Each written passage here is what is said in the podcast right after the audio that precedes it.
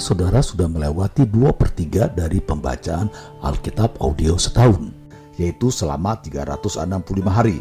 Suatu pembacaan yang disesuaikan dengan jadwal rencana baca dari Back to the Bible Chronological Reading Bible. Tetap semangat untuk terus mendengarkan firman-Nya. Tuhan Yesus memberkati. Inilah mendengarkan firman Tuhan hari ke-231.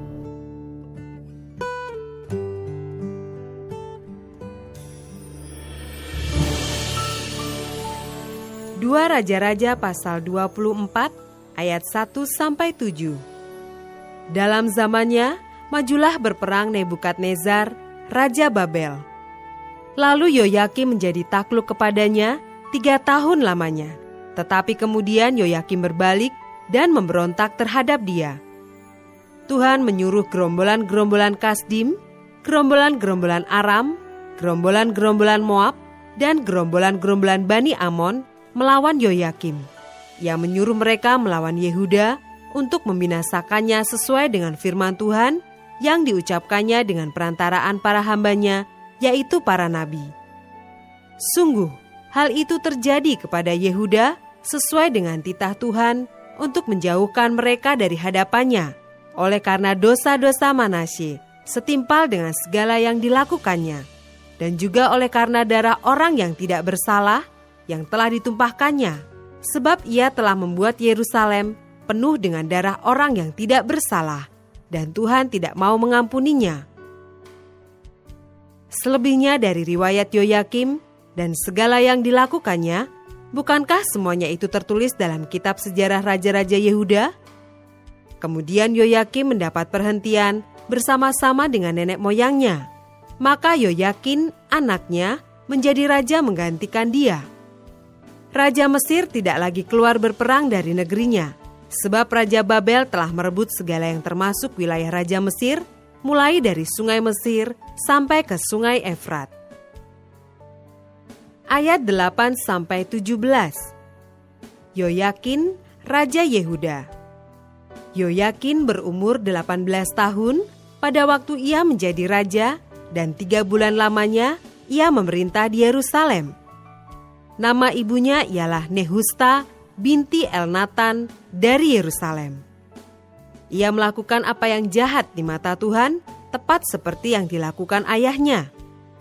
Pada waktu itu, majulah orang-orang Nebukadnezar, Raja Babel, menyerang Yerusalem dan kota itu dikepung. Juga Nebukadnezar, Raja Babel, datang menyerang kota itu, sedang orang-orangnya mengepungnya. Lalu keluarlah Yoyakin Raja Yehuda mendapatkan Raja Babel.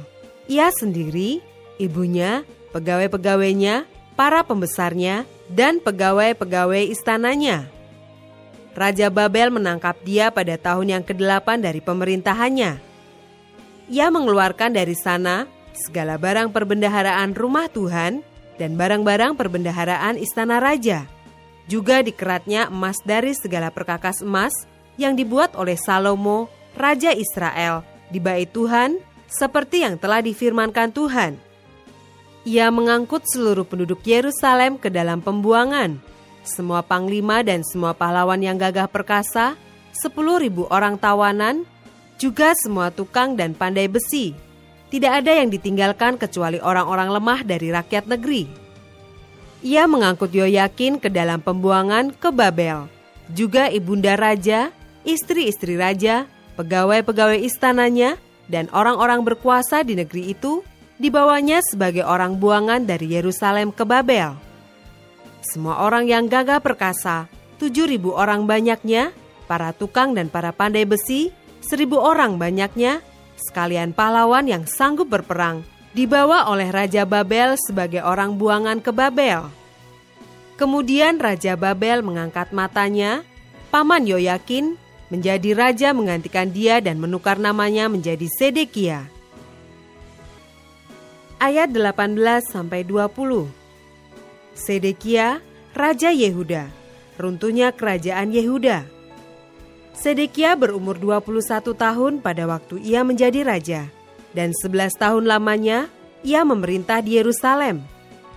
Nama ibunya ialah Hamutal binti Yeremia dari Libna ia melakukan apa yang jahat di mata Tuhan, tepat seperti yang dilakukan Yoyakim. Sebab oleh karena murka Tuhanlah terjadi hal itu terhadap Yerusalem dan Yehuda, yakni bahwa ia sampai membuang mereka dari hadapannya. Sedekia memberontak terhadap Raja Babel.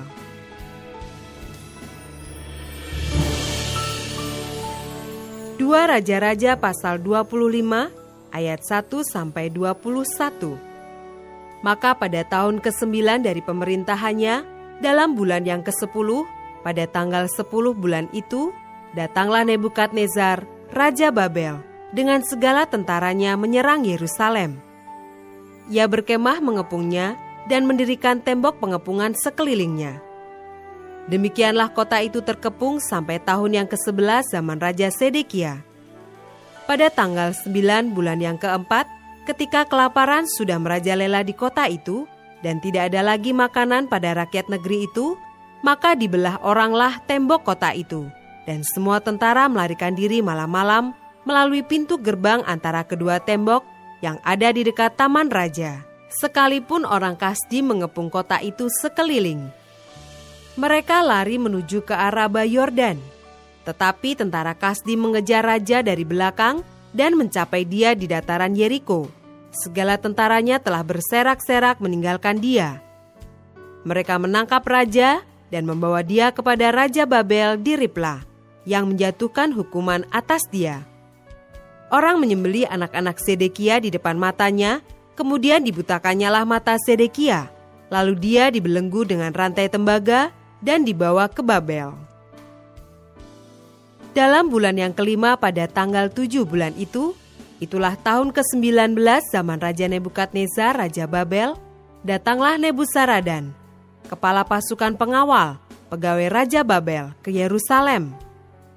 Ia membakar rumah Tuhan, rumah Raja, dan semua rumah di Yerusalem.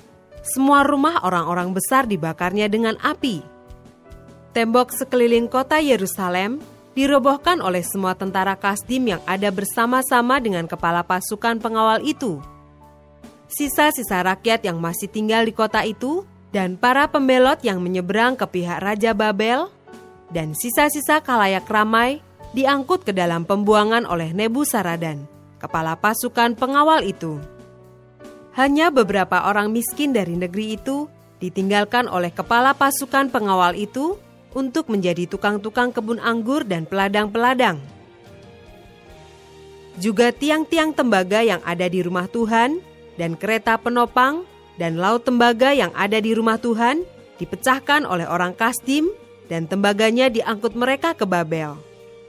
Kuali-kuali, penyodok-penyodok, pisau-pisau, dan cawan-cawan, dan segala perkakas tembaga yang dipakai untuk menyelenggarakan kebaktian diambil mereka.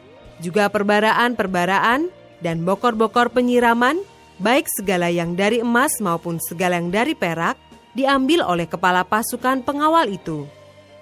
Adapun kedua tiang, laut yang satu itu, kereta penopang yang dibuat oleh Salomo untuk rumah Tuhan, tiada tertimbang tembaga segala perkakas ini. 18 hasta tingginya tiang yang satu, dan di atasnya ada ganja dari tembaga. Tinggi ganja itu tiga hasta, dan jala-jala dan buah-buah delima ada di atas ganja itu sekeliling. Semuanya itu tembaga.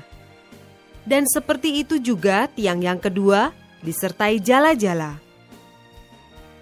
Lalu kepala pasukan pengawal itu menangkap Seraya, imam kepala, dan Stefanya, imam tingkat dua, dan ketiga orang penjaga pintu. Dari kota itu ditangkapnya seorang pegawai istana yang diangkat mengepalai tentara dan lima orang pelayan pribadi raja yang terdapat di kota itu, dan panitera panglima tentara yang mengerahkan rakyat negeri menjadi tentara, dan 60 orang dari rakyat negeri yang terdapat di kota itu. Nebusaradan, kepala pasukan pengawal, menangkap mereka dan membawa mereka kepada Raja Babel di Ripla. Lalu Raja Babel menyuruh membunuh mereka di Ripla, di tanah Hamat. Demikianlah orang Yehuda diangkut ke dalam pembuangan dari tanahnya. Ayat 22 sampai 26. Gedalia menjadi gubernur dan dibunuh. Tentang rakyat yang masih tinggal di tanah Yehuda yang ditinggalkan oleh Nebukadnezar Raja Babel, diangkatnyalah atas mereka Gedalia bin Ahikam bin Safan. Ketika semua panglima tentara dengan orang-orangnya mendengar bahwa Raja Babel telah mengangkat Gedalia, maka pergilah mereka kepada Gedalia ke Mispa, yaitu Ismail bin Netanya, Yohanan bin Kareah, Seraya bin Tanhumet, orang Netofa itu, dan Yaasanya, anak seorang Maaka, bersama dengan anak buahnya. Lalu bersumpahlah Gedalia kepada mereka dan anak buah mereka. Katanya kepada mereka, Janganlah kamu takut terhadap pegawai-pegawai orang Kasdim itu. Tinggallah di negeri ini dan takluklah kepada Raja Babel, maka keadaanmu akan menjadi baik. Tetapi dalam bulan yang ketujuh, datanglah Ismail bin Netanya bin Elisama, seorang yang asalnya dari keturunan raja, dan sepuluh orang bersama-sama dengan dia. Mereka membunuh Gedalia dan orang-orang Yehuda dan orang-orang Kasdim yang ada bersama-sama dengan dia di Mispa. Maka bangkitlah seluruh rakyat, dari yang kecil sampai yang besar, serta panglima-panglima tentara. Lalu larilah mereka ke Mesir, sebab mereka takut terhadap orang Kasdim itu ayat 27 sampai 30. Yoyakin dikasihani. Kemudian dalam tahun ke-37 sesudah Yoyakin, Raja Yehuda dibuang, dalam bulan yang ke-12, pada tanggal 27 bulan itu, maka Ewil Merodak Raja Babel, dalam tahun ia menjadi raja, menunjukkan belas kasihannya kepada Yoyakin Raja Yehuda, dengan melepaskannya dari penjara Ewil Merodak berbicara baik-baik dengan dia dan memberi kedudukan kepadanya lebih tinggi daripada kedudukan raja-raja yang bersama-sama dengan dia di Babel. Ia boleh mengganti pakaian penjaranya dan boleh selalu makan roti di hadapan raja selama hidupnya. Dan tentang belanjanya, raja selalu memberikannya kepadanya, sekedar yang perlu tiap-tiap hari selama hidupnya. 2 Tawari pasal 36 ayat 1 sampai 4. Raja Yoahas. Rakyat negeri menjemput Yoahas anak Yosia dan mengangkat dia menjadi raja di Yerusalem menggantikan ayahnya. Yoahas berumur 23 tahun pada waktu ia menjadi raja dan tiga bulan lamanya ia memerintah di Yerusalem. Raja Mesir memecatnya dari pemerintahannya di Yerusalem dan mendenda negeri itu 100 talenta perak dan satu talenta emas. Kemudian Raja Mesir itu mengangkat Eliakim, saudara Yoahas, menjadi raja atas Yehuda dan Yerusalem, dan menukar namanya dengan Yoyakim. Tetapi Yoahas, saudaranya itu, ditawan oleh Neko dan dibawa ke Mesir. Ayat 5-8 Raja Yoyakim Yoyakim berumur 25 tahun pada waktu ia menjadi raja dan sebelas tahun lamanya ia memerintah di Yerusalem. Ia melakukan apa yang jahat di mata Tuhan Allahnya. Nebukadnezar Raja Babel maju melawan dia, membelenggunya dengan rantai tembaga untuk membawanya ke Babel. Juga beberapa perkakas rumah Tuhan dibawa Nebukadnezar ke Babel dan ditempatkan di istananya di Babel. Selebihnya dari riwayat Yoyakim, segala kekejian yang dilakukannya dan kesalahan yang ada padanya – Sesungguhnya semuanya itu tertulis dalam kitab Raja-Raja Israel dan Yehuda. Maka Yoyakin anaknya menjadi raja menggantikan dia. Ayat 9 sampai 10. Raja Yoyakin. Yoyakin berumur 18 tahun pada waktu ia menjadi raja dan tiga bulan sepuluh hari lamanya ia memerintah di Yerusalem. Ia melakukan apa yang jahat di mata Tuhan. Pada pergantian tahun, Raja Nebukadnezar menyuruh membawa dia ke Babel, beserta perkakas-perkakas yang indah-indah dari rumah Tuhan. Dan Sedekia, saudara ayah Yoyakin, menjadi raja atas Yehuda dan Yerusalem. Ayat 11 sampai 21. Raja Sedekia, runtuhnya kerajaan Yehuda. Sedekia berumur 21 tahun pada waktu ia menjadi raja dan sebelas tahun lamanya ia memerintah di Yerusalem. Ia melakukan apa yang jahat di mata Tuhan Allahnya dan tidak merendahkan diri di hadapan Nabi Yeremia yang datang membawa pesan Tuhan. Lagi pula, ia memberontak terhadap Raja Nebukadnezar yang telah menyuruhnya bersumpah demi Allah. Ia menegarkan tengkuknya dan mengeraskan hatinya dan tidak berbalik kepada Tuhan Allah Israel. Juga semua pemimpin di antara para imam dan rakyat berkali-kali berubah setia dengan mengikuti segala kekejian bangsa-bangsa lain. Rumah yang dikuduskan Tuhan di Yerusalem itu dinajiskan mereka. Namun Tuhan Allah nenek moyang mereka berulang-ulang mengirim pesan melalui utusan-utusannya karena ia sayang kepada umatnya dan tempat kediamannya. Tetapi mereka mengolok-olok utusan-utusan Allah itu, menghina segala firman-Nya dan mengejek nabi-nabinya. Oleh sebab itu murka Tuhan bangkit terhadap umatnya, sehingga tidak mungkin lagi pemulihan. Tuhan menggerakkan Raja orang Kasti melawan mereka.